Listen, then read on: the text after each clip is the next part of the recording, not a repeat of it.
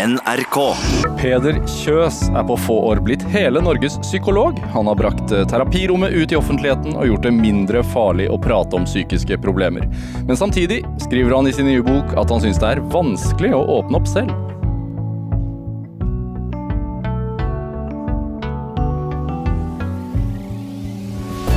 Dette er Drivkraft med Vegard Larsen i NRK P2. Peder Kjøs, veldig hyggelig å ha deg her i Drivkraft. Takk, hyggelig å være her. Eh, hvordan har du det? Jo, akkurat nå er det veldig bra, egentlig. Ja, Jeg så du satt ute og spilte sjakk før du kom inn. Ja, lite grann. Jeg spiller sjakk på relativt lavt nivå på nettet. ja. På mobilen. Ja. men det, var så, det er så viktig at du er, når du er i et game at du må liksom Du, du må, ta- et trekk før du, når du har tid, liksom. Ja, nei, det er ikke sånn. Det er mer noe jeg bruker for å, for liksom å spore av litt. Grann. Det er en måte å slappe av på, egentlig. Det Ja. er mer, jeg er ikke så veldig skjerpa i sjakk, og det bærer vel eh, ratingen min preg av. Men eh, det er en måte å Ja, det er litt sånn å tenke på noe annet, ikke tenke konstruktivt hele tida. Ja. Eh, dette her er jo, forestiller jeg meg i hvert fall, en ramme du er ganske vant til. Vi er to personer i et relativt lite rom som nå har satt seg ned for å holde en, en times samtale. Hva, hva bruker å være ditt første spørsmål? Eh, ja, jeg pleier jo egentlig ikke å, å spørre. Jeg prøver også å liksom bringe fokus inn, inn i der vi er, da. Så jeg pleier å starte med noe sånn um, Ja, sånn Ja, nå er vi her. Hva skal vi bruke denne timen til, eller For jeg prøver jo liksom å få eh, få lagd et slags fokus, da, og få liksom markert den at eh, akkurat nå er et øyeblikk hvor vi kan sette oss litt utafor det vanlige og liksom eh, analysere litt, da. Du prøver å lage et åpent rom, Mm. hvor, eh, og så du, kaster du veldig kjapt ballen over til den som er hos deg, liksom? Ja, så for, for da sier den andre et eller annet om det, og det kan være veldig forskjellig. Noen ganger så går det jo eh, rett på det som de på en måte har kommet for å snakke om. Ja, jeg trenger å snakke om det, liksom. Mens veldig mange så er det sånn ja, nei, jeg vet ikke helt, og sånn. Og så begynner man egentlig der, da, med, med ja, hvordan egentlig eh, finne fokuset sitt, hvordan finne ut hva det er man vil. Hva, hva er det som skjer når man setter seg ned på den måten og kanskje vender blikket innover, og, og det er en annen der. Hva, hva skjer da, liksom? For det tenker jeg det har alltid relevans for hvordan man har det ellers i verden. Har det hendt at noen ikke har sagt noen ting? Ja, ja, det hender det. Og det er jo Det er jo i seg sjøl en måte å åpne på. Det å ikke si noen ting. Det å liksom nærmest falle inn i seg sjøl eller bli helt, helt taus. Ja. Jeg har opplevd at noen har vært eh, helt stille i en halvtime og vel så det, liksom. Men det er sjeldent. Sånn som i dette studio, så jeg ønsker jo at det skal være en, en samtale, at man skal ha et samtalepreg, men jeg har jo fremdeles et, et manus med en del spørsmål på. Har du det? Nei, jeg pleier ikke å ha det. Nei? Nei, jeg vil veldig gjerne at det skal handle om det som den andre personen har lyst til å snakke om. Så, så jeg pleier ikke å ha noe særlig agenda, nei. Er det, hender det at du kan være nervøs før liksom første timen noen gang? Ja, det er ikke så ofte, for vanligvis så møter jeg jo folk som jeg ikke vet noe særlig om. Jeg foretrekker egentlig å vite så lite som mulig. Du googler ikke på forhånd? Nei, nei, det, det gjør jeg ikke. For det, det liksom ødelegger litt, da. Jeg vil veldig gjerne at folk skal få sjansen til å gjøre et førsteinntrykk, ikke sant. Og så er det førsteinntrykket vi går ut fra. Eh, Men har, jeg vet ikke, kanskje særlig tidligere, nå har jeg jo gjort dette her i 20 år, da, så nå begynner jeg liksom å ha vært borti ganske mange ting. Men eh, før så var det særlig hvis, hvis det liksom var folk som jeg på et vis så opp til, eller liksom folk som var eh, kanskje kjent for et eller annet, eller som, som jeg visste hvem var via media eller akademia eller et eller annet sånt, så, så, så um, kunne jeg være litt nervøs. For, da, for jeg hadde sånn følelse, jeg hadde en sånn tanke om at jeg måtte liksom være den smarteste i rommet, da. Ja. For jeg liksom jeg som skal analysere, og jeg som har ansvaret, liksom. Men, eh, men det, var, det var vel en måte å prøve å ta kontroll da, i en situasjon eh, for meg. Eh, og det føler jeg at jeg har lagt av meg. Jeg har ikke det behovet for å være den smarteste. Det, Nei, men ofte nå så er jo du den mest kjente i rommet, da. det er jo først i det aller siste. Altså, jeg, jeg har forsøkt å, å, lese meg litt opp på dette her. Og, og, altså, psykologi det er eh, et vitenskapelig studie av atferd og mentale prosesser i hjernen. Eh, og det er kanskje, nå spør jeg kanskje dumt, også, men, men er målet da å forstå mekanismene og årsakene til at man føler det og det? Ja, det er jo på en måte det som er målet med psykologien som en vitenskap, ja. Ja. Å prøve å kartlegge lovmessigheter da, i, i atferd og tanker og følelser, og eh, både inni og mellom eh, mennesker. Det er det som er ambisjonen. Hvilke verktøy eh, bruker du for å finne ut av det her, da?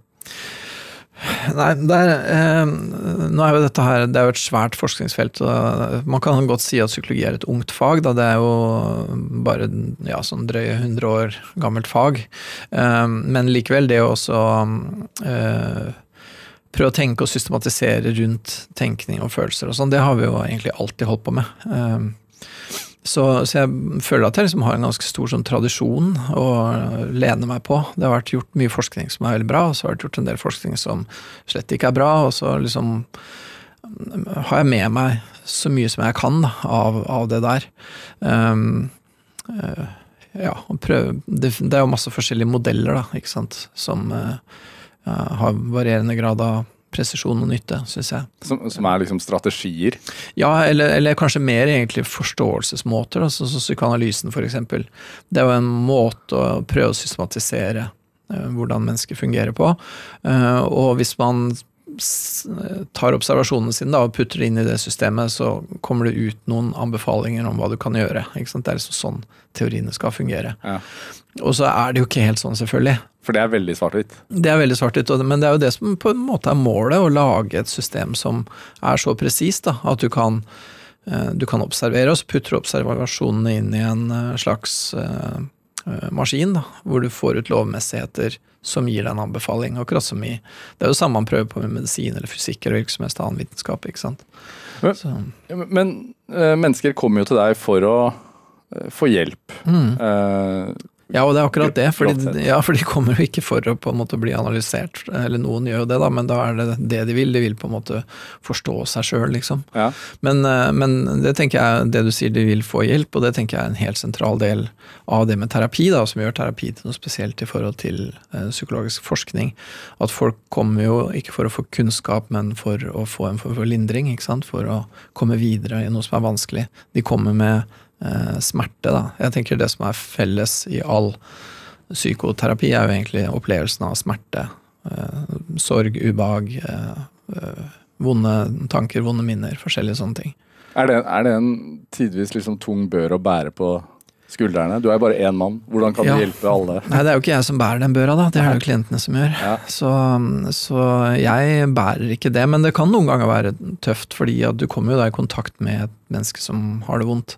Og du tar det jo innover deg. Jeg gjør i hvert fall det. Og det, det kan være Det kan være på en måte krevende, det.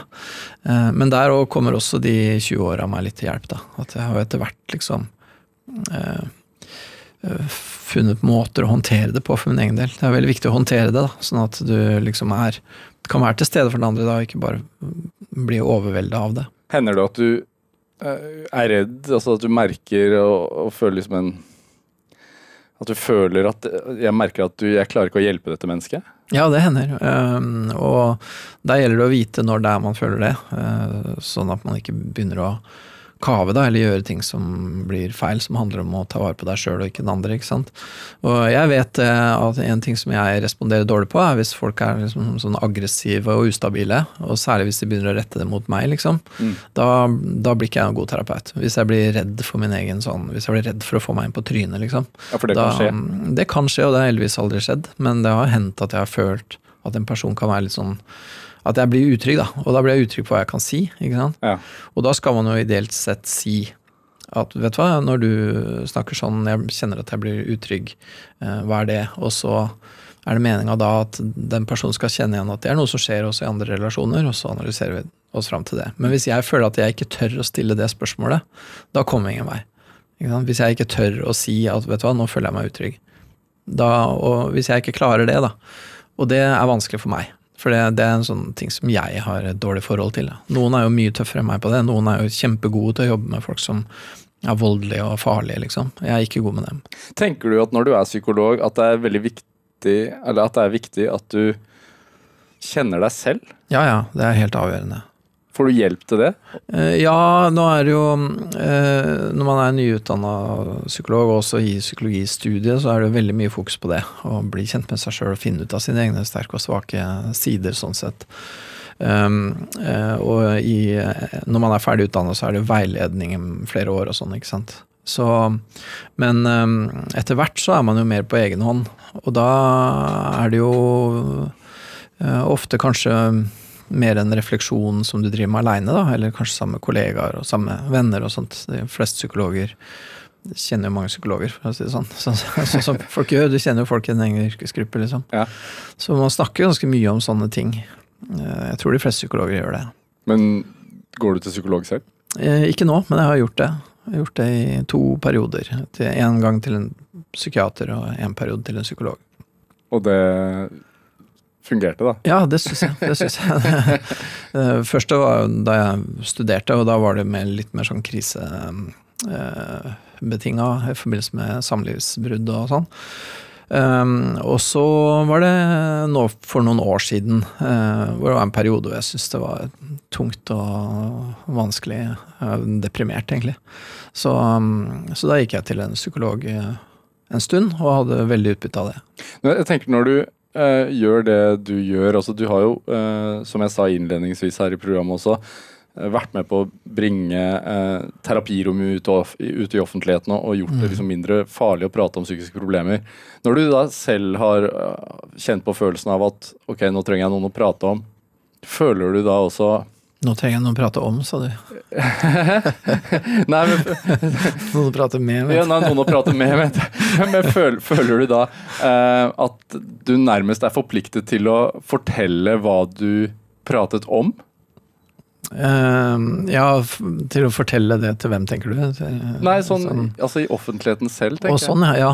Ehm, nei, det, det der er jo en sånn hva, hva skal jeg fortelle om meg sjøl i offentligheten? Det har jo vært eh, en ting som jeg har tenkt mye på, egentlig. eh, fordi ehm, som, som terapeut da, for en klient, så forteller du jo ikke noe mye om deg sjøl, egentlig.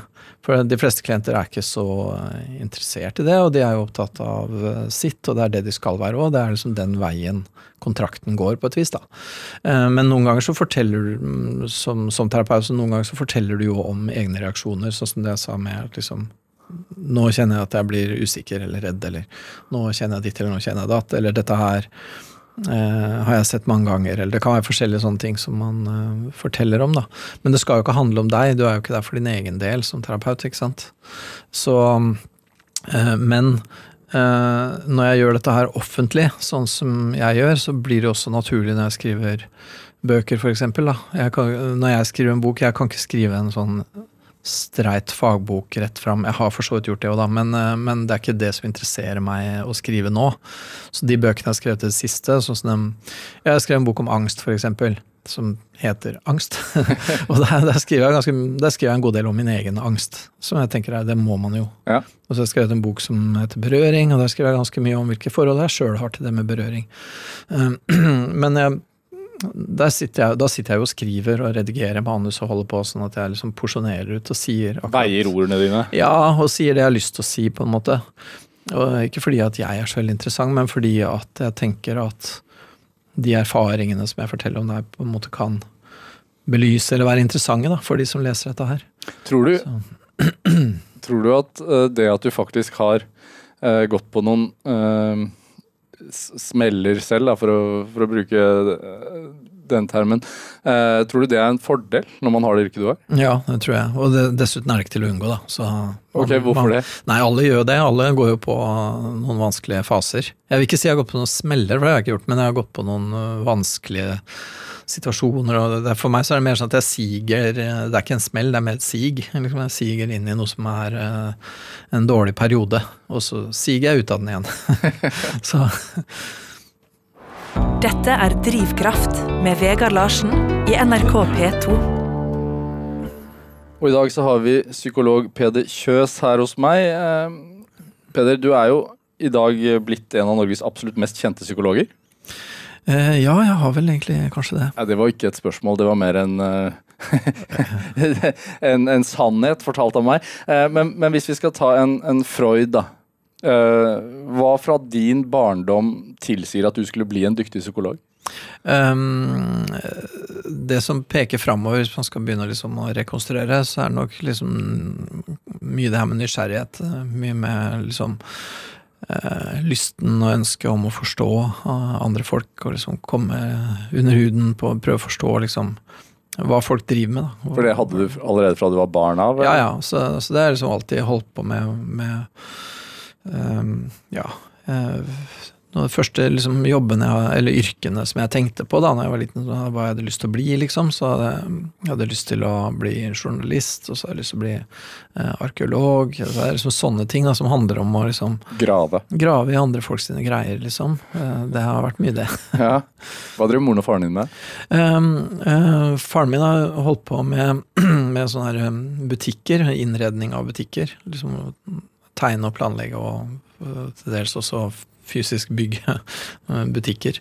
Og øh, moren min var hjemmeværende da jeg var liten, og så har hun holdt på å øh, jobba for øh, faren min i hans firma, og så drev hun lekebutikk en periode. Så det har vært Så ingen psykologer? Så, ingen psykologer, ingen akademisk bakgrunn der. Nei. Begge to kommer fra sånn ja, faren min fra en bondefamilie og mora mi fra en arbeiderfamilie, så de er liksom De gjorde den der 60-70-tallsklassereisen med å eh, komme seg fra ganske enkle økonomiske kår til mer komfortable økonomiske kår på 80-tallet. Ja, en klassisk norsk middelklassefamilie, med andre ja. Og du, du, er jo fra eh, Norges, uh, sånn jeg ser det iallfall, vakreste by, Sarpsborg. Ja. Eh, samme by som jeg er fra. Vi, vi, kunne snakket om det i en evighet, men det skal vi ikke her i dag. Du, du, nevner at, at, det kan være en fordel av å ha kjent på vonde ting selv. Eh, Merket du det allerede som barn, at du, at du kunne ha liksom mørke sider? Um, ja, ikke, um, ikke, så mye som barn, tror jeg. Var, da var det mer sånn at det var enkelte ting som var vanskelig og sånn. Jeg synes eh, Det var en periode hvor det var litt vanskelig på skolen, og det, var, det, var liksom, det har vært litt sånne ting.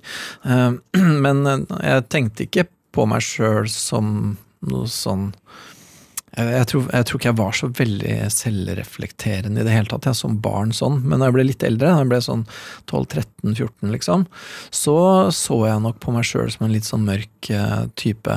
At jeg kunne bli ganske dyster og inneslutta og uh, drev og tenkte mye på liksom, livet og sånn, da. Jeg ble veldig opptatt av Jens Bjørneboe og sånn, ikke sant. Ja, og, og det vekket det også interessen for liksom menneskelige syke, eller? Eh, ja, og så det gikk, det gikk liksom den veien allerede da. Ble veldig interessert når jeg leste liksom Jens Bjørneboe og ja, alt mennesket kunne være i stand til å gjøre og sånne ting. Så mm. ble jeg liksom via den veien mer interessert i sånn Eh, ja, egentlig eh, menneskets mørke sider. Da. For det er, jo, det er jo, hvis du liksom begynner Når du begynner liksom å reflektere over hva mennesker er, og du er i den alderen, så begynner det å falle illusjoner. Da. Du har liksom tenkt at verden er ok, og så plutselig oppdager du at ting er mye mer komplisert. Da. Så, mm, så det er jo liksom I den alderen så er det vel ganske mange som liksom blir litt liksom skuffa da, over verden. Mm -hmm. Og velger da å fordype seg i alt som er gærent og skeivt og skakt og vanskelig. Og det gjorde jeg i hvert fall, da. Eh, så, så, da ble jeg også etter hvert eh, veldig opptatt av sånn eh, av dette her også i underholdningsøyemed, da. Mer sånn skrekkfilmer, Stephen King og alt det greiene der. Så, så da, da, gikk det liksom litt den veien. Og da via det igjen over på mer sånn heavy metal og sånn, da, ikke sant. Ja. Så, jeg var veldig opptatt av Kiss, men det var, det, Kiss var jo på en måte den Jeg oppfatta ikke Kiss som liksom mørkt og dystert. Jeg oppfatta det mer som tøft, da. Som, som, macho, på en måte. Uh, men derfra var jo veien ganske kort over i liksom de mørkere ligaene da, av metal. Jeg, jeg, er jo gammel filmmann, og i, i skrekkfilmene som det antageligvis var, kom ut da du var i riktig skrekkfilmalder, så det, det var jo mye psykologisere altså det, det var, Mennesket var monsteret. Altså det, var, det, mm. var liksom det, ja, det var Carpenter, det var Halloween, og det var liksom alt det Ja. Mm. Eh, det var ikke lenger Frankenstein og, og Nosferatu, liksom. Det var mm. uh, mennesker med en eller annen sinnsforvirring som utførte bestialske handlinger. Det var mye av det. Jeg husker det Amityville-filmene og, og Halloween, som jeg nevnte. Det var mange sånne filmer om mye sånn om demonbesettelser, men også sånne mer streite seriemordere og sånn, da. Som, eh, som, var veldig Det var veldig mye av det på den tida der. Og også sånne eh, mer sånne rett fram splatterfilmer og sånn Evil Dead og alt det greiene. Men, men tenkte du da eh, på hva som drev de? Hvor, hvordan kan mennesker bli så skrudd? Eller? Ja, jeg tenkte først liksom Først var det liksom fascinasjonen ved hvor skrudd det går an å bli. Og så mer liksom hvordan skjer det? Hva, hva er det for noe? Hvordan, hvordan virker disse menneskene, liksom? Og, og, så mer eh, derfra igjen over på hvordan ble de sånn? Det er jo, man oppdager jo etter hvert at dette her er jo folk som er skada, som har det forferdelig eh, sjøl. Ofte relatert til barndommen. Ja, ja, ikke sant. Så der blir det jo liksom, der våkner det jo til en sånn psykologisk interesse allerede der. Så i, eh, ja, det blir litt sånn spole framover, da, men eh, fram til 1990 så ble jo dette her alltid veldig mainstream. Det var vel i 91 at uh, Silence of the Lambs kom. ikke Natt, sant? Nattsvermeren. Ja. Men før det så var det veldig masse Og den, den, er jo på en måte Den psykologiserer jo en god del rundt hun. Uh, Clarice Starling, da. Men det psykologiseres bemerkelsesverdig lite rundt han eh, Hannibal, egentlig. ja. Han er bare en naturkraft. Han bare er sånn, liksom. Det er litt rart. Um, så, men, men, før det, det var mange filmer som liksom handla om, eh, om, de greiene der. Men hvordan havnet du Hvorfor ble det psykologi som ble faget, da? Når var det det valget ble tatt? Alle de der interessene der um, samla seg litt grann, sånn rundt den tida da jeg var i militæret. Fordi jeg, jeg, var liksom Jeg var liksom ikke ordentlig pasifist, da. Eh, men jeg var sånn litt pasifist, på en måte. Jeg mente at vi trenger nok et væpna forsvar, jeg har bare ikke lyst til å delta i det. Og det er på en måte ikke egentlig en grunn til å være militærnekter. Så løsningen for meg var å være saniteten, da. Så kan man la andre folk så kan la de andre skyte folk i filler, og så kan jeg lappe dem sammen. Liksom. Da, da deltar man på en måte. Ja. Så det var liksom akseptabelt for meg å være saniteten. Og uh, som del av det så kom jeg på sanitetskurs og sånn, så drev vi hadde praksis uh, på sånn gamlehjem og ambulanse og litt sånn, for at vi skulle få se litt av den sida av uh, verden. Og det fascinerte meg, da. Det å jobbe på gamlehjem, det var utrolig fint. Det, der, det følte jeg var en sånn skikkelig sånn øyeåpner for meg. Ble, hvor opptatt jeg ble av de gamle folka, hvor fint jeg syntes det var å holde på med dem. liksom. Så det fikk jeg veldig mye ut av. Da fikk jeg noe veldig interesse jeg følte litt at hele den der litt, Både litt den der psykologiske interessen og så den der nysgjerrigheten på mennesker, og, og også det ble kobla til liksom en lyst til å være med på å gjøre det ålreit, hvis du skjønner. Ja. det, det var sånn for den der tidlige interessen min for psykologi og sånn var ikke så veldig sånn her, å, jeg vil hjelpe de som har det vondt. Det var ikke sånn jeg tenkte. Jeg var bare nysgjerrig, liksom.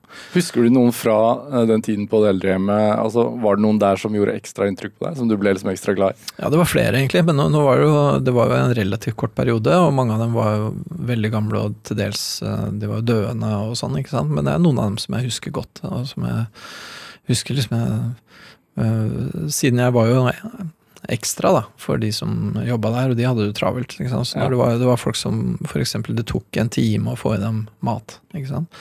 Og da, jeg kunne jo sitte en time da, med en teskje og mate et menneske, liksom. Og det var veldig fint, altså. Hva, hva fikk du ut av det selv? Nei, jeg synes det, det, er liksom, Du ser det er, liksom, det er liksom på en måte Du ser liksom sårbarhet, og du ser et menneske som har levd et langt liv, og hvem har hun vært, og hva har hun gjort, hvor har hun vært? og det hun sier, kommer sånne løse øh, setninger fordi at uh, har Alzheimer, for eksempel, da. Så kommer det sånne setninger, og hvor, hvor kommer den fra? ikke sant? Og så hører du liksom en kar som går og nynner på sånne engelske viser, og han går fram og tilbake og sier liksom Jøss, hvor kommer alle de sangene fra? Jo, nei, for han har vært sjømann, han har vært over hele verden, og nå går han rundt, han går fram og tilbake showbroken sin og nynner og synger. Hvor har han vært den? Han har vært overalt, ikke sant. Så de tingene har fascinert meg veldig. da. Så du merket at allerede da så Det var, var arkeologen som våknet i deg, og du likte å grave i disse menneskene? Ja, jeg gravde ikke i dem, for det, det Nei, kan man men, på en måte ikke. Men, men jeg likte kontakten. Jeg likte å, å, være i nærheten av dem og få liksom en bit av det derre livet. Kan man være psykolog, tenker du, uten å være interessert i folk? Da velger man vel ikke det. Det tror jeg ikke skjer. Men det er mange måter å være interessert i folk på. ikke sant? Eh, man kan godt være psykolog og ha et mye mer sånn type Kanskje hvis man har et sånn veldig mm, atferdsorientert utgangspunkt, f.eks. At man veldig gjerne vil um, jobbe med uh, unger som har vanskelig atferd på skolen, f.eks. Så det finnes mange måter å gjøre det på. Man kan være veldig sånn Man kan prøve å forstå og være veldig sånn øh, myk, liksom. Eller man kan øh, lage mer sånn atferdsregulerende programmer, ikke sant. Som er mye mer sånn tekniske, da. Ja. Men du gjør heller ikke det hvis du ikke er opptatt av barn, ikke sant. Som sådan. Hvis du ikke er glad i unger og gjerne vil at det skal gå bedre med dem. ikke bare fordi det er nyttig for skolen og samfunnet og at det blir skattebetalere, men du bryr deg faktisk. Jeg tror, jeg tror ikke det skjer at noen liksom Selv de mest liksom hardcore uh, atferdsfolka, de er jo veldig glad i barn og veldig engasjert i det de gjør. I hvert fall alle jeg har møtt. Jeg er et annet legeyrke, men jeg hadde en gang en skoletannlege som jeg følte ikke var spesielt glad i barn. Men det er en helt, er en helt annen historie. Ja, det er nok noe annet. Dette er Drivkraft med Vegard Larsen i NRK P2. Og i dag har vi psykolog Peder Kjøs her hos meg. Um, vi snakker om valget av yrke som du har hatt. Um, men du, har jo vært eh, ekstremt flink til å formidle faget ditt eh, fra veldig tidlig. av. Du, du skrev i tidsskrifter, du har skrevet i lokalaviser, skrevet i Kvinner og klær og Klassekampen, eh, og etter det både TV og radio for NRK selvfølgelig. Eh, hvorfor har det vært viktig for deg å formidle eh, faget ditt offentlig? Ja, det er et par grunner til det. Det ene er at jeg alltid har likt eh, å skrive og tegne og lage ting og liksom Vært kreativ fra bunnen av? Ja, ja man kan godt Jeg syns liksom det er vanskelig å si om meg sjøl at jeg er kreativ, men jeg, jeg liker å lage ting. Jeg Hvorfor syns du det er vanskelig å si? Nei, for Jeg syns det høres pretensiøst. Jeg synes Det høres ut som liksom Å, jeg er så kreativ, liksom. Men det høres sånn artsy ut, liksom. Hva ville du sagt en, eh, en eh, pasient hos deg som hadde sagt akkurat det du sa nå? Det eneste en som sa det. Så da Nei, jeg tror nok jeg ville jeg, jeg har jo noen tanker om hvorfor jeg har trøbbel med det. Ja. Og det er fordi jeg, det er jo en sånn, det er jo en sånn mindreverd-ting ute og går. At jeg hele tida liksom lurer på er jeg, er jeg den rette til å gjøre dette her. Er ikke det her å liksom jåle seg og spjåke seg til, liksom. Jeg tror det, det er kanskje en litt sånn ting jeg har med meg, da. At eh, jeg både liker veldig godt å stå på en scene og jeg liker å skrive bøker, jeg liker å bli intervjua og sånne ting, samtidig som jeg syns liksom at å nei, å, man er ikke bra å stikke seg fram, liksom, skjønner du? Så det er liksom, og jeg vil helst ikke, jeg vil ikke liksom si at jeg um, Jeg har skrevet jeg har skrevet elleve bøker. uh, jeg er nøye med å presisere at seks av dem er skrevet sammen med andre, og jeg, det sitter langt inne å kalle seg forfatter. Ja, gjør du det? Nå kaller jeg meg forfatter, men det sitter langt inne, altså. Men, men, eh, så, så, men dette, så det du sier at formidlingstrangen også rundt faget ditt kanskje har vært et ønske om å bli sett? da? Ja, på en måte, eller, eller på en måte mm, om å gjøre ting ute, da. Eh, Enten det er å lage tegneserier eller skrive. Det har alltid interessert meg å holde på utadvendt, liksom. Um, du vet, det er jo sånn Det er jo noen unger, da, når de hører en plate, så syns de det er kult, og de vil gjerne ha alle av den artisten, eller et eller annet sånt. ikke sant? Det er noen som tenker sånn. Og så er det mm, andre som tenker liksom det der har jeg også lyst til å gjøre. Sånn vil jeg òg. Mm. Så, så når jeg har hørt Kiss, det første jeg gjør, er å løpe og kjøpe en gitar, liksom. Så jeg er mer den ungen, da. Som eh, gjerne vil liksom Ville være, stå på scenen selv? Ja, jeg elsker tegneserier. Da jeg lager tegneserier, selvfølgelig. Det er ikke, mens andre på en måte bare leser tegneserier mer sånn casual. da, At liksom, ja, det er underholdende, og hva så? Og noen blir samlere, og det er liksom veldig mange måter å forholde seg til ting. da. Og for meg så har det alltid vært sånn at jeg liker å lage ting. Men hvem er det som har fortalt deg at ikke du skal være stolt av det? da? Og Det er ingen som har fortalt meg det. det er, foreldrene mine har alltid vært veldig støttende på de greiene der. Ja. De har alltid syntes at det var morsomt at jeg liksom eh, gjør ting, og de er veldig stolte av eh, det jeg gjør, da. Så det er norsk jantelov, rett og slett? Ja, og så er min egen sånn, det er min egen usikkerhet, da. Min egen sånn herre Ja, nei, jeg er jo ikke egentlig bra nok, liksom. Hva tror du det bunner i, da? Jeg vet ikke. Jeg, det, jeg, det, jeg håper jo at det på en måte er en slags sånn sunn sjenanse, da. At man på en måte Jeg håper liksom jeg, jeg håper det er på en måte en slags selvinnsikt da, som går på at uh, jeg ikke alltid trenger å breie meg så fælt, selv om jeg har lyst til det. liksom. Du, men du har jo Du har breid deg nok til at du har blitt Norges kanskje mest kjente psykolog. da. Ja, jeg, jeg, Der også tenker jeg meg ja, nei, Sissel Gran er da mer kjent, Frode, Frode Tune er da mer kjent. Jeg liker, liksom, jeg liker liksom at de er mer kjent enn meg, da. Altså, ok, Så du tenker ikke sånn at de skal ned fra pallen? Overhodet ikke. Du, eh, du snakket om eh, musikkinteresse og at du hørte Kiss og hadde lyst til å stå på scenen sjøl. Kan ikke du fortelle meg om eh, bandet Witchhammer. Ja. Um, det er jo Når man holder på å spille gitar og sånn på, og det er midt på 80-tallet, så er det jo naturlig at da er det jo naturlig å starte et metal-band, er det ikke det? Så, så ja, det var, det var, mange forskjellige konstellasjoner, da, og så etter hvert så var jeg med da i et band som ble hetende Witchhammer, da. Eh, oppkalt etter eh, en eh, bok som heter Heksehammeren, eller Maleus Maleficarum. Bok fra 1400-tallet. Sånn manual for heksejegere, da. Ja, og heksebrenning. Ja. Så, ja, så det er både teologisk og praktisk eh, veiledning for heksejegere. På ordentlig, liksom. Det, jeg var så fascinert av de greiene der. Um, så da uh, Ja. Så det bandet ble da hetende det, og vi holdt på og vi fordypa oss mye i sånne litt mørke ting. og vi syntes det var tøft, da. Det er liksom, og med metal så er det alltid den blandinga av at det er liksom alvor, og vi syns å, det er så grusomt, og sånn, men samtidig så er det, det er liksom tøft òg, liksom. det er den, der, den rare dobbeltheten man har når man er 17-18 år, da. Er det et slags rollespill? Ja, det er på en måte det, men det er liksom et rollespill hvor du liksom leker med et alvor, da. Så det er en sånn dobbelthet her som jeg, jeg tror det er sikkert akkurat det samme nå som folk holder på med. Liksom. Det, jeg tror det er en sånn universell ting. Og når det er i den kanskje den alderen der, så er det litt sånn man utforsker ting. At du prøver det på uten å prøve det helt, liksom. Men døden er veldig, en veldig sentral del av ja. svart metall? Uh, ja, men dette her er pre-svartmetall. Ja. for det kom seinere. Så dette er trash metal? Dette var trash metal, ja. Men, men der er altså døden viktig, både ja. i tekster og estetikk. Ja, ja, veldig. Hva er det Har du vært opptatt av det selv? Ja, jeg er veldig opptatt av det. Um, for liksom menneskets mørkere sider, men også livets endelighet og døden og sånn, ja. Veldig opptatt av det. Så, og det tenker jeg vel også en sånn Man må finne ut av det der på et eller annet tidspunkt i livet, og det er veldig forskjellig. Noen tar det veldig på alvor og gjør mye ut av det og holder på. For andre så er det mer en sånn bakgrunnsting som de egentlig tenker litt på, men ikke så mye. Og så er det noen som får fullstendig angst, da, ikke sant. Så for meg så var det en måte å liksom konfrontere, for, for, konfrontere en slags angst på, det å gå inn i det og fordype meg i det, da, heller enn å trekke meg fra det, liksom.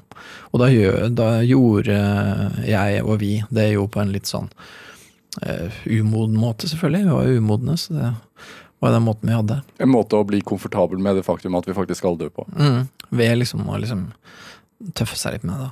Så lagde, så ja, lagde låter om om selvmord. og det var sånn, Vi gikk veldig inn i det greiene der. Ja. Vi, skal, vi, skal, høre litt uh, Witchhammer, ikke så veldig mye, for det er litt for tidlig, syns jeg, for uh, trash metal uh, på litt NRK Litt for tidlig og litt for seint. ja. vi skal høre litt fra låten The Burning Court før, før vi mm. setter den på. Hva, altså, det er vanskelig å høre hva han synger. Hva, hva handler den låten om, for du har skrevet teksten? Ja, The Burning Court er jo, er jo liksom den um, heksedomstolen, da. Eh, den eh, retten hvor folk ble dømt til brenning. ikke sant? Så det, det handler på en måte om Det er liksom en sånn heksejegerlåt. Eh, så den, den, ligger veldig tett opp til liksom den derre interessen som vi dyrka på den tida. Så ja. ja nei, vi La oss høre. Her er Witchhammer med The Burning Court.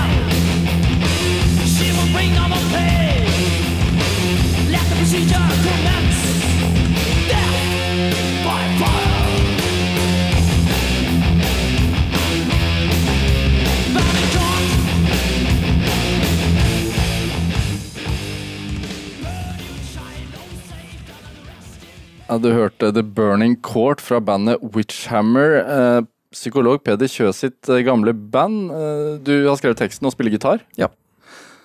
Nå gikk vi ut rett før refrenget, da. Det var litt synd, for det er mer melodiøst, da. Men, Ja. men ok. Jeg likte det godt, jeg. Jo, takk. Jeg syns, det der riffet der egentlig er ganske tøft. Dette er fra 89 eller 90 eller noe sånt. Eh, 87. Oi, såpass, ja. Det holder seg bra. Eh, da vet eh, kona mi hva vi skal høre på hjemme i kveld. Um, du, uh, du er her jo i dag uh, også, og- også fordi at du har skrevet en ny bok. bre- Brev til uh, psykologen. Og, og der skriver du at du alltid har hatt et ønske om å bli skjønnlitterær forfatter. Ja, og det er viktig å si at det, det er ikke bare jeg som har skrevet den boka. Eh, Tiril Du har skrevet den sammen med eh, Tiril Brenden Sæter. Ja, som var klient hos meg i eh, første sesong av Hos Peder, podkasten. og hun eh, prøver å bli forfatter, da. Så, mm, så vi snakka en god del om skriving og sånne ting. Og så eh, fortsatte vi egentlig å kommunisere oss imellom etter terapien. Blant annet om skriving. Men, men, men du skriver der at du Men hvorfor har du hatt dette liksom skjønnlitterære forfatterønsket? Jeg tenker det er det samme, vet du. Det er også den der eh, lysten til å prøve å forstå eh, menneskelige tanker og følelser og samspill. Um, eh, det å lese skjønnlitteratur er en måte å prøve å komme inn i andre folk sine liv på. Og det å skrive skjønnlitteratur er jo også en måte å prøve å forstå sitt eget liv på, tenker jeg da. Det er en måte å liksom lage seg en slags eh, parallell verden hvor du kan prøve ut andre alternativer. Hva hvis det hadde vært sånn, hva hvis jeg hadde vært litt mer sånn? Og så når du holder på med det, så finner du ut ting om deg sjøl, egentlig. da, Syns jeg i hvert fall. Men du, du er jo ærlig i den boka her. Ja, prøver jo på det, da. Uh, og og du, du skriver jo du skriver at du syns det er vanskelig å innrømme det, men du innrømmer at du har hatt skjønnlitterære tekster på trykk. Ja, det er hva man skal kalle det. Ja. Skrevet noveller for Cupido. Mm. Eh, erotiske noveller. Ja. Uh, og også to romaner. Yep. Hva, hva slags romaner? Ja, nei, det ene er jo helt streit porno, liksom. Som var det første, første jeg skrev. Og den andre er en sånn skrekkroman, da. Sånn horrorgreie. Som jeg sendte til uh, Aschhaug, mener jeg det var. Zombieromanen Ja. Draug. Zombieromanen Draug. Jeg prøvde å finne den, jeg fant den ikke. Denne. Den ligger på Nasjonalbiblioteket sin eh, nettside, faktisk. Eh, men denne eh, pornoromanen, den skrev du under falskt navn. Det skrev hun ikke noe navn i det hele tatt. Hvorfor innrømmer du det nå, da?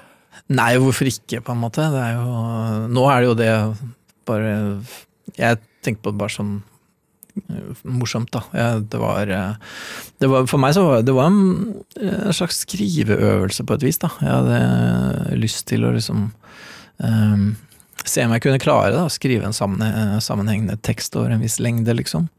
Og så eh, det, det der med sånn erotisk litteratur, da, det er jo en sånn sjanger som kommer og går, som jeg syns er veldig interessant. Jeg synes sånn Henry Miller og Det er masse av de der gamle erotiske klassikerne da, som er veldig interessante på et vis. Ikke nødvendigvis så god litteratur, men det er liksom interessant allikevel. Hvorfor er det interessant? Nei, det er på et vis grensesprengende, da. Og så er det å gå inn i noe som er På en måte så er det jo veldig intimt, samtidig som det er liksom Når du når et visst punkt, så blir det ikke intimt i det hele tatt, ikke sant. Så det er en sånn rar dobbelthet i det. Du nevnte jo Bjørneboe, at han har vært en inspirasjon til deg. Ja ja, og hans uh, Uten en tråd er jo uh, fantastisk, liksom. I en periode antageligvis den mest utlånte bøkene på skolebibliotekene landet over. Uh, Antagelig. Men, men eh, pornografisk roman, eh, Den ligger ikke på Nasjonalbiblioteket, jeg har sjekka det. Det forlaget fulgte sikkert ikke innleveringsplikten. Men som psykolog, da, hvor, og hvis man liksom holder, hvor mye skyld tenker du at seksualdrift har for menneskelige handlinger? Og det er jo helt uh, avgjørende. Jeg tenker det er jo uh, eh, Men eller liksom alle levende vesener, da, må jo prøve å opprettholde livet og forplante seg. Um, og helst få levedyktig avkom, da. Det er jo det vi driver med. Sånn at selv um, opprettholdelse og seksualdrift. Det er jo de to tinga, de to tinga vi driver med. Det er motoren i hele verden, liksom. Så, eh, så, det, så det er helt avgjørende, ja. Tenker du, Er det derfor du også heller altså Nå i da voksen alder la være å skamme deg for å ha skrevet dette her? Uh, nei, nei, det er mer fordi det har fått på avstand. Dette ja. var jo tidlig på 90-tallet, liksom. Så det er noe, det er som gamle synder, og jeg kan alltid si sånn 'Å, jeg var ung og trengte pengene', liksom. Ja. Var, jeg fikk faktisk en del penger også. Ja, Også fra Cupido, antageligvis. Ja, det føltes så mye penger den gangen. uh, men, men uh, å være terapeut, da, det, det er jo tenker jeg, og det skriver du jo også i, i boka deres, Brev til psykologen, at, at da gjelder det å være tilbaketrukket i forhold til seg selv. Ja, på en måte. Du skal liksom være til stede, da, men det skal ikke handle om deg. Og det, det er det å finne balansen der. Men, men, du I boka så åpner du jo mer og mer opp om deg selv og, og dine tanker og om hvem du er. Hvor, hvordan, altså på, på, hvilken måte kan det bli en utfordring, tenker du, yrket som du har? Det vi, det vi, prøver på i den boka der, er jo Den er jo skrevet en stund etter at den terapeutiske relasjonen er avslutta. Ja. Uh, og det er jo veldig viktig at dette her er jo ikke brev mellom en klient og en terapeut, dette er etter, ikke sant. Det er i hvert fall det vi prøver på. Og så og så viser det seg vel egentlig at det er ganske vanskelig. Da. Det er vanskelig å trekke det der skillet når du først har hatt den relasjonen. Hvordan du da skal liksom få til å være normale mennesker for hverandre liksom, etterpå. Det viser seg å være ganske vrient. Mm. Eh, fordi at det er en ubalanse der, ikke sant. Og det er vel noe av det som blir ganske tydelig da, underveis.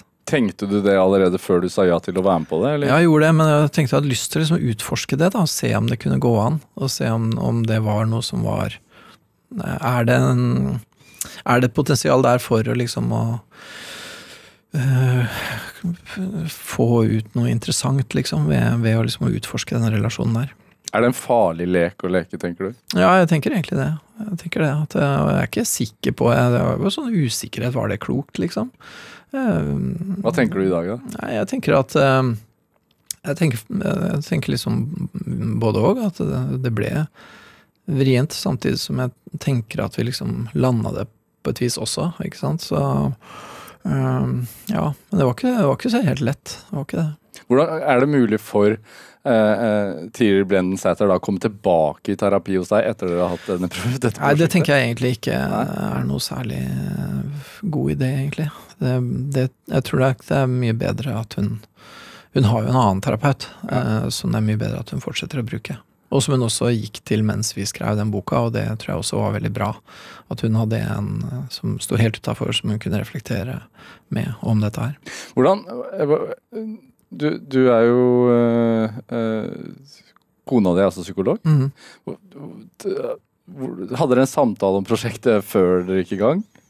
Jeg og kona mi? Ja. Vi snakka litt om det, vi snakka ikke så mye om det, egentlig. Men, liksom, Men du måtte gå noen runder med deg selv før du ja, jeg gjorde jo det. Jeg gikk noen runder med meg sjøl og med forlaget og liksom litt uh, rundt omkring, egentlig. Så, men det er så vanskelig, du vet jo ikke hva det blir til heller, ikke sant. Og det er jo sånn som det har vært uh, Jeg, har jo, jeg er jo vant til å være den andre enden. At jeg er terapeut, og så kommer noen og har lyst til å være med i en podkast eller i Jeg mot meg-TV-serien f.eks., og så intervjuer jeg dem da. ja og prøver å, få, prøver å få en forståelse av vet du, vet du hva du går til, på et vis. ikke sant? Og så Samtidig så kan man jo ikke vite det. Man vet ikke det. Man tar en sjanse, ikke sant. Og sånn var det her òg. Jeg visste jo ikke Jeg prøvde liksom å forestille meg hva kommer dette her til å være. Og så blir det jo annerledes enn jeg hadde tenkt. Det gjør det jo, ikke sant. Og det tror jeg gjelder for både, både for Tiril og meg. Her, men sånn er det alltid, da. Når du treffer noen, eller du går inn i en eller annen relasjon, vennerelasjon, eller hva du enn skal gjøre, så du forbereder deg så godt du kan, men du kan ikke forberede deg 100 Det er ingenting i livet som er sikkert, og at du vet at du kan forutsi alt. Du må ta sjanser, da. Og så er det noen sjanser som er smartere enn andre å ta, selvfølgelig. Prøv liksom å vurdere er dette noe som kan bli bra, og så tenkte vi at det kunne det. Ja, altså I, i boka Brevpsykologen, så bare for å uh, forklare det, så dere, du og Tiril Brennen Sæther sender brev til hverandre. Mm. Uh, og dere bestemmer ja, ganske tidlig i boka at hvis dette her skal ha noe for seg, så må, må deres tidligere relasjon som, som terapeut uh, og pasient utgå, og så må dere bli venner. Ja, på en måte, ja. Mm. ja. Og så ser man hvordan det går. Ja. rett og slett. Ikke... Hva lærte du egentlig av den prosessen her? Um, Jeg føler at jeg fortsatt er litt i en sånn oppsummeringsfase, da. For det er um, en, det er en spesiell uh, erfaring og spesiell opplevelse. Så jeg kjenner jo liksom at jeg sier noe av de samme tinga som de som har deltakere i Jeg mot meg og, og hos Peder, de sier jo det samme som jeg nå tenker. At liksom Ja. Er både òg. Det er fint, og det var viktig, og jeg kjenner jeg lærte noe av meg sjøl, og så har det også på en måte vært Eh, det har også kosta litt og vært eh, vrient, og jeg vet ikke helt, liksom. Vet ikke helt hvordan man skal lande eh, i dette her. Det mm, så jeg er fortsatt Jeg driver og prosesserer det. Jeg prøver å finne ut hva jeg skal lære av dette her. Ja. Men det handler noe av det jeg liksom har trukket ut av det allerede, og som jeg også har snakka med, med, kona mi om og andre, er jo dette med at det handler jo på en måte om en slags sånn rolleforståelse. At jeg tror nok at, egentlig at jeg liksom uh, hadde mer tro på at det gikk an å få til en liksom balansert relasjon der det hadde vært en ubalansert en. Og det, det føler jeg at jeg har lært litt om, hvordan det kan være vrient. Hva har du lært? Nei, altså, det handler vel, det handler vel på en måte om liksom uh, sårbarhet og behov og sånne ting. Da. At det er ikke så lett uh, Ja. Kanskje, hvis du liksom har vært vant til at det går den ene veien at det på et vis liksom er den ene som er sårbar, og den andre som liksom rydder opp og sånn. Og så det å snu på det, det fører en del ting med seg som er øh, Ja. Som er krevende. Ja, Fordi at øh, en tidligere pasient vil ha et falskt tillitsforhold? På en måte. Og, og, og, kanskje Jeg tror vel egentlig det er ganske vanlig kanskje å liksom idealiserer eller overvurderer terapeuten sin litt, da. Det er jo helt vanlig. Um, Og det ja. Er det, er det Altså, hvor mye deler du av deg selv generelt altså med pasienter for at de skal stole på deg? Nei, ikke så veldig mye. Jeg gjør ikke egentlig det. Ikke så mye. Det er litt forskjellig. Det kommer veldig an på hvem jeg snakker med og hva vi snakker om. Noen ganger så er liksom mine erfaringer relevante, men oftest så går det når jeg, Det jeg oftest liksom deler, er jo hva jeg føler i relasjonen her og nå. ikke sant? Sånn at liksom Ja, Uh, når du sier det, nå kjenner jeg det ene eller andre, eller nå når, når, når, du sier eller gjør sånn, så kjenner jeg det eller det, og at det er det relasjonelle her og nå, da. Mm. Og også eksempel sånn nå føler jeg at liksom, du vil at jeg skal ta ansvar for deg på en måte som jeg ikke kan, eller nå føler jeg at du ikke stoler på meg, eller hva det måtte være, da. Hva som helst. Hender du, altså uh, med Therese og Alexander, en annen case du har hatt da, i, i, i podkasten din, så, så Uh, trakk du linjer mellom dem og dine egne opplevelser med små barn og kommunikasjon mm. og lite søvn og sånne ting. Mm. Du kjente deg igjen. Ja, og, der, og, da sier jeg jo det uh, litt som en slags sånn litt sånn støtte og liksom ja, vi er sammen, dette her er en delt erfaring, dette her Jeg vet hvordan det er. Det er liksom det jeg egentlig sier til dem da, ikke sant. Ja. Sånn at de på en måte skal man speiler de for Ja, at de skal føle seg litt gjenkjent. da, At de ikke skal synes at det er veldig rart eller unormalt. liksom. Er det ofte det eh, en pasient er ute etter også? Å føle seg gjenkjent og sett, ja. Ja, ja. ja. Og tenker, hvis du tenker, som vi sa i stad, at noe av det viktigste her i livet er å opprettholde en form for eh, ja, opprettholde livet og en form for integritet, og så er det det å liksom å finne noen å høre til og lage et nytt individ med. Liksom. Hvis man tenker at det er livet, da, ja. så tenker jeg det er jo innlysende at det med å høre til, tilhørighet, det å bli sett, det å liksom bli anerkjent, det å liksom bli godkjent, det er jo helt avgjørende for alle mennesker, ikke sant. Uh, og, så det å, det å liksom føle fellesskap, da, å, jeg tenker at nesten alle For nesten alle klienter så er det et stort, stort problem det at de på et vis føler seg ensomme. De føler seg aleine, isolert på en eller annen måte. Gjør du det? Ja, jeg gjør jo det. Ja, alle mennesker er jo aleine på en måte. Så, så, det er selvfølgelig det jeg skal skrive bok om nå, om ensomhet og sånn. Og det for, du er aleine inni huet ditt, og du er aleine Ingen kan noen gang forstå deg helt fullt ut. Og så har vi en fantasi om at vi skal kunne bli forstått. Og vi har også en fantasi og et ønske om å forstå andre mennesker, da, sånn som jeg har hatt siden jeg var liten. liksom. Men du kan aldri forstå helt. Du kan aldri komme helt inn.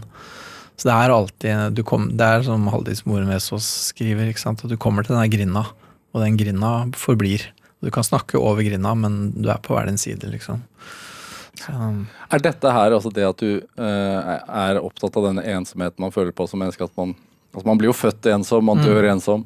Ja, på en måte, samtidig som du verken blir født eller dør aleine heller, ikke sant? Nei, for du blir født med moren din og Ja, absolutt. Du blir født ut av en kropp, og du lander veldig fort oppå en kropp og inn i en uh, relasjon mellom foreldrene dine, og du blir allerede der så blir det eh, um, Du blir sett, og det blir lagt noen forventninger til deg. Folk begynner å lete etter hvem du er. 'Å, eh, hun er sånn, han, eh, han har det trekket', 'å, skriker akkurat sånn som' eh, Man begynner liksom å sette personen inn i en relasjon med en eneste gang, ikke sant. Og når du dør, så er det jo ikke sånn at det var det. Da er det folk husker deg, da, og folk liksom tenker på deg, og du lever videre på et vis. Så, Men det at eh, du har uh, vært for at folk skal være mer åpne om uh, hva de tenker på og grubler på og, og sliter med og, og rives med.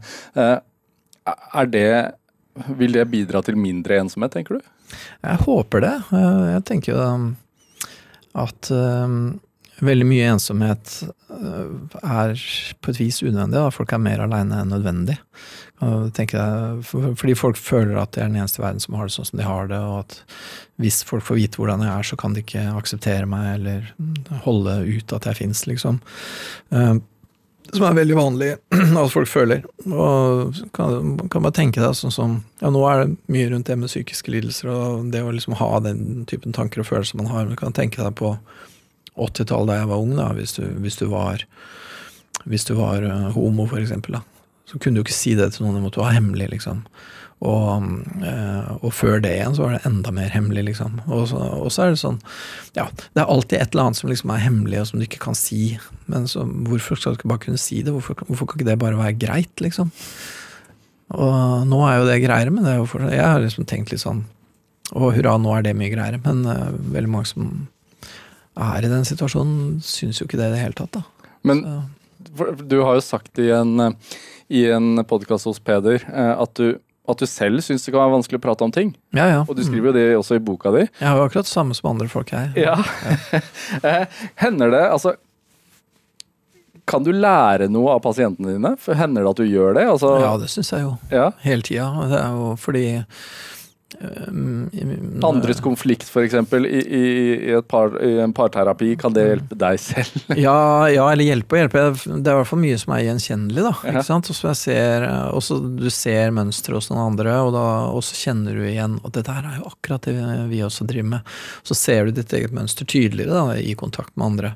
Og det er jo noe av det jeg tenker er viktig med den typen eh, eh, brede beskrivelser av vanlig hverdagsliv, da, som terapi er. ikke sant? At det er jo ikke, jeg tenker, En ting er historier om liksom øh, å være den første som lander på månen, eller whatever. Ikke sant? Men jeg tenker de der daglighistoriene, historiene om liksom å være to som får barn og som må skifte bleie og ikke får sove, jeg tenker de historiene der er kjempeviktige. Og um, bidrar til at vi øh, blir mer kjent med livet og hverandre og slipper å kjenne oss så ensomme. Da. Det at det er Altså, psykisk helse har blitt eh, nærmest et motord. Eh, Ja, det har litt det. ah, Tenker du at det kan bli for mye prat om dette her også? Bli for mye åpenhet?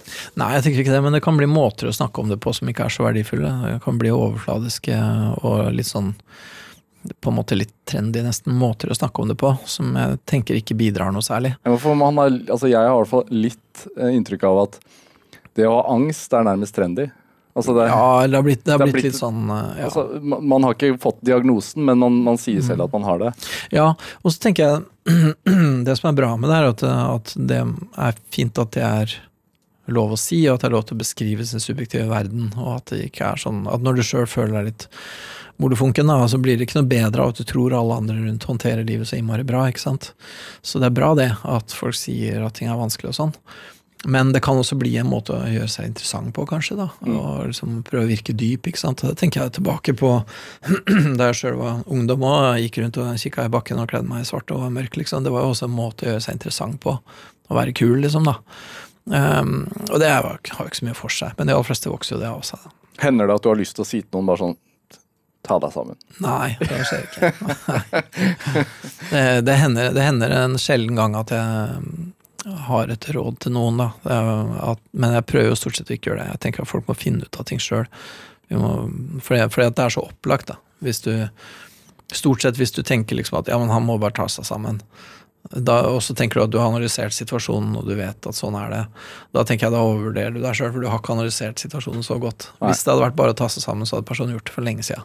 Eh, Dette programmet heter jo uh, noe så fint som Drivkraft. Ja, uh, godt ord, og- Ja, takk for det. Eh, det har liksom både driv og kraft. ikke sant?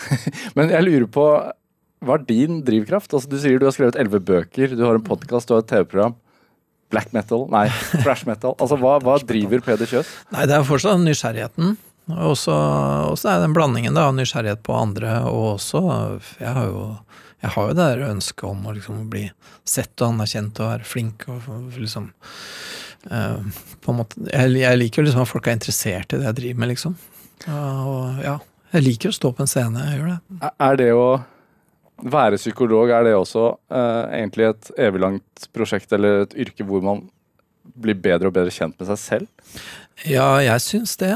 Jeg syns det at jeg blir liksom mer kjent med meg sjøl, men også med andre. da. At jeg syns liksom at jeg kanskje skjønner bedre etter hvert. Er målet Altså, når merker du, og dette, nå begynner denne timen å gå mot slutten, men sånn Merker du det når, når pasientene dine ikke trenger mer terapi? Ja. eh, Jeg merker de begynner å kjede seg litt. De begynner å ikke få så mye ut av det. De begynner å ikke synes det er så interessant lenger. De begynner å utsette timer og avlyse. og og snakke om mer hverdagslige ting og sånne ting. Så da, og da betyr det ett av to. Det betyr enten at nå kobler de av fordi at vi står foran noe veldig viktig, og det finner vi da ut, eller håper jeg. eller det betyr at nå har vi kommet så langt som vi kan komme. Uh, Og da er det tid for å avslutte, og det finner de ut sjøl. Det her var eh, tid for å avslutte. Peder Kjøs, tusen takk for at du kom hit til Drivkraft. Veldig hyggelig å være her. Hør flere samtaler i Drivkraft i NRK Radio, på nett og på app. Send gjerne forslag til gjester jeg kan invitere til programmet. Send e-post til drivkraft at nrk.no. Ha det bra.